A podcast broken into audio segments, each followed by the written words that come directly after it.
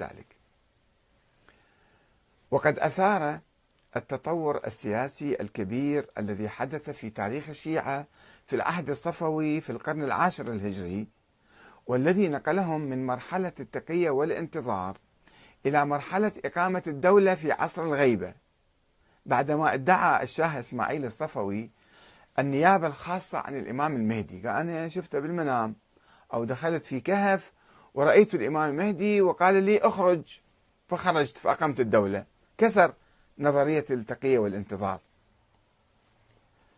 أثار ذلك التطور جدلا واسعا في صفوف الفقهاء وفتح الباب واسعا أمام القول بنظرية النيابة العامة. وسعوها إلى أنه لا أيام الشيخ علي عبد العالي الكركي أنه أنا باعتباري فقيه أنا النائب مش أنت الملك الصفوي.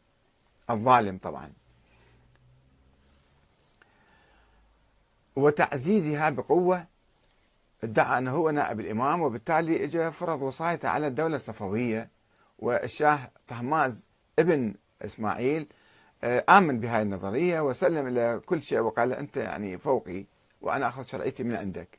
وأمر جميع ولاته وقضاته وحكامه ووزرائه بالاستماع إلى الشيخ علي عبد العالي الكركي.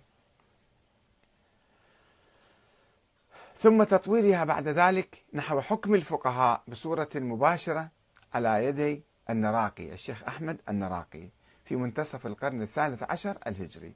طورها قال لا بعد سقوط الدولة الصفوية بالحقيقة بدأوا العلماء في إيران هم إدارة شؤون القرى والأرياف والمدن صارت فوضى فالفقهاء صدوا وهذا اجى نظر لذلك قال هذه نظرية ولاية الفقيه. كل فقيه هو عنده قدرة أن يحكم وأن ينفذ القضاء وأن يدير شؤون المنطقة اللي عايش فيها. وقد كانت نظرية ولاية الفقيه التي تحصر الحق في ممارسة السلطة في الفقهاء هذه اللي طلعها الشيخ أحمد النراقي آه، محل نقاش كبير بين العلماء الشيعة. وقد رفضها بعض العلماء المحققين كالشيخ مرتضى الأنصاري الذي توفي سنة 1281 هجرية. والذي ناقش في كتاب المكاسب اللي الآن يدرس في الحوزة ناقش أدلة القائلين بالولاية العامة للفقهاء. هل, هل عندهم ولاية أو ما عندهم ولاية؟ وأنكر دلالة الروايات العامة التي يتشبثون بها على الموضوع. قال هذه ما تدل على الموضوع. وحدد دلالتها في موضوع الفتية والقضاء فقط. إذا كان فيها دلالة ففي القضاء والفتية وشكك في صحتها ودلالتها أساسا. وقال لكن الإنصاف بعد ملاحظة سياقها سياق هذه الروايات أو صدرها وذيلها بدايتها ونهايتها يقتضي الجزم بأنها في بيان في مقام بيان وظيفتهم من حيث الأحكام الشرعية. لا كونهم كالأنبياء أو الأئمة آه، عليهم السلام في كونهم أولى بالمؤمنين من أنفسهم فيجون يحكمون عليهم.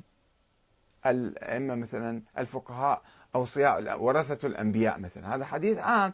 ورثة في ناحية العلم مو ناحية الولاية على الناس. وهذه مسألة جديدة وعظيمة.